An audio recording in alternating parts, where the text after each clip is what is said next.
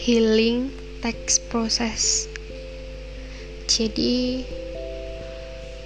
fase-fase kita hidup sebagai manusia di mana kita ngerasain bahagia ngerasain sedih itu semua ternyata ada fase di mana kita bisa mulai terbiasa sama uh, kejadian yang ada di hidup kita. Jadi kesedihan sebenarnya udah bukan hal yang biasa ya. Karena kan notabene kita hidup di sini di semesta ini pasti pernah merasakan kesedihan. Dan bukan kesedihan yang bisa bikin kita kembali lagi ke keadaan biasa aja dan juga kebahagia kali ini kesedihan yang bisa membuat kita sampai sebegitu sedih dan bisa rasain trauma atas kejadian yang telah menimpa kita jadi ternyata ada tujuh fase kesedihan. Jadi bukan kita ngerasain sedih kita depresi stres terus akhirnya kita nggak mood ngapa-ngapain. Terus juga kita bisa bahagia lagi karena ada sesuatu yang membuat kita bahagia.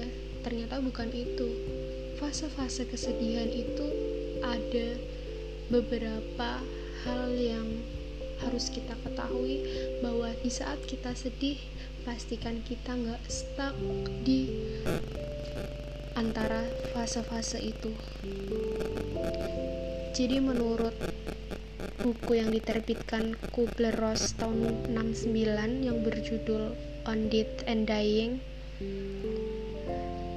tujuh fase kesedihan itu di antaranya yang pertama adalah shock dan denial di mana kita ngerasain peristiwa yang menimpa kita dan kita ngerasanya itu gak mungkin itu itu gak nyata dan kita masih gak kepikiran bahwa itu beneran terjadi ke kita ke hidup kita gitu jadi kita mikirnya ah pasti ini sebenarnya nggak terjadi gitu yang ada di pikiran kita bahwa perasaan menyangkal akan sesuatu hal yang baru saja terjadi itu fase pertama kesedihan. Fase kedua di mana kita mulai merasakan rasa sakit dan benar-benar merasakan bahwa kesedihan itu akan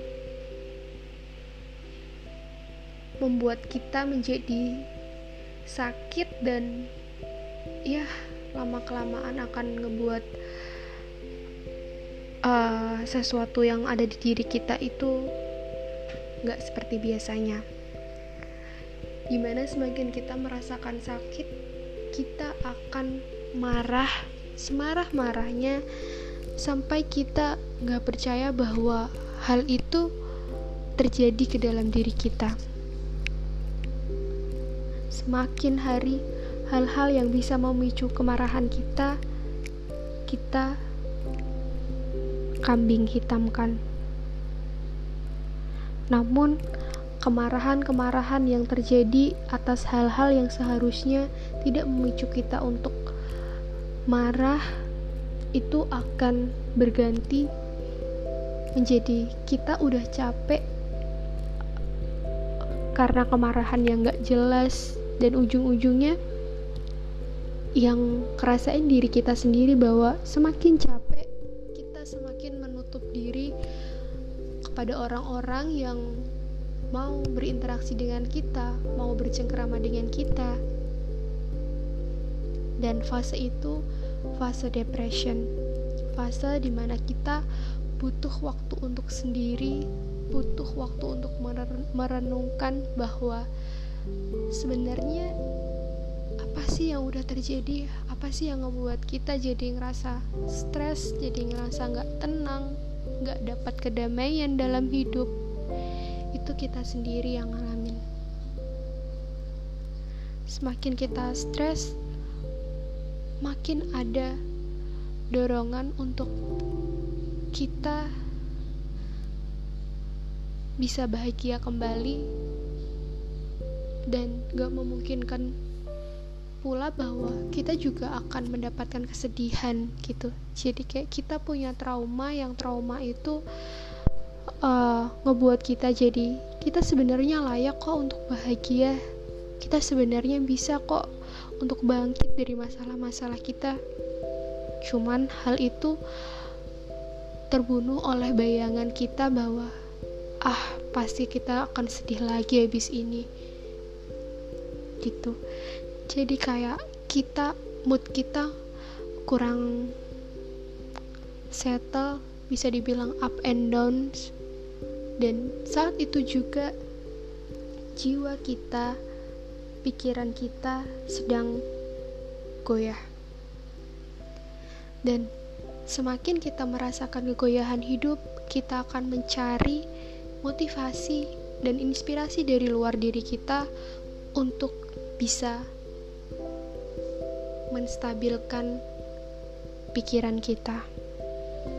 Di mana fase selanjutnya yaitu fase reconstruction and working through.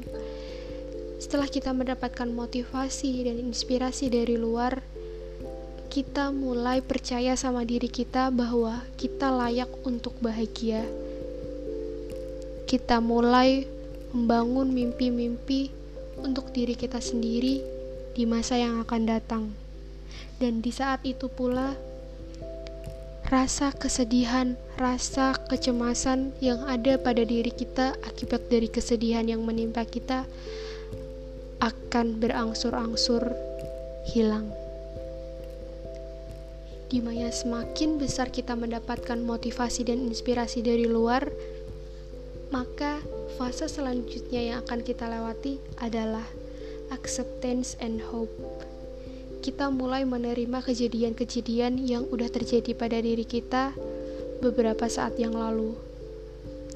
Kita mulai merajut mimpi-mimpi dan meyakinkan diri bahwa kita bisa menggapai mimpi-mimpi yang akan kita raih dan menganggap bahwa suatu hal, peristiwa, kesedihan yang sebelumnya kita alami itu adalah bagian dari kehidupan.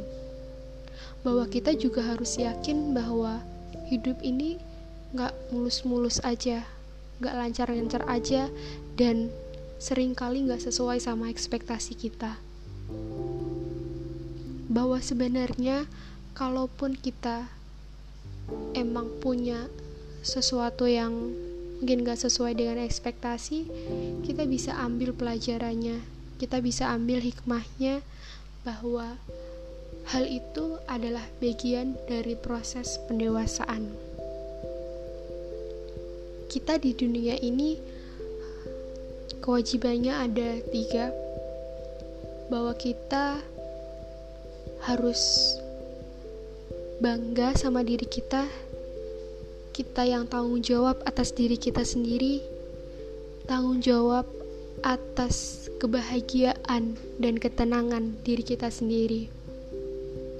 Yang kedua adalah kewajiban kita untuk beribadah dan beriman kepada Tuhan kita,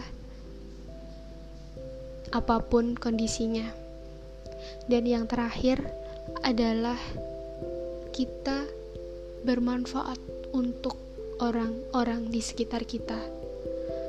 Kalaupun tidak bisa bermanfaat, setidaknya tidak memberikan dampak yang buruk untuk orang-orang sekitar. Always happy, spread happiness, and be our person who has positive mindset bahwa sebenarnya kalau kita bersyukur itu akan memberikan ketenangan dalam diri kita.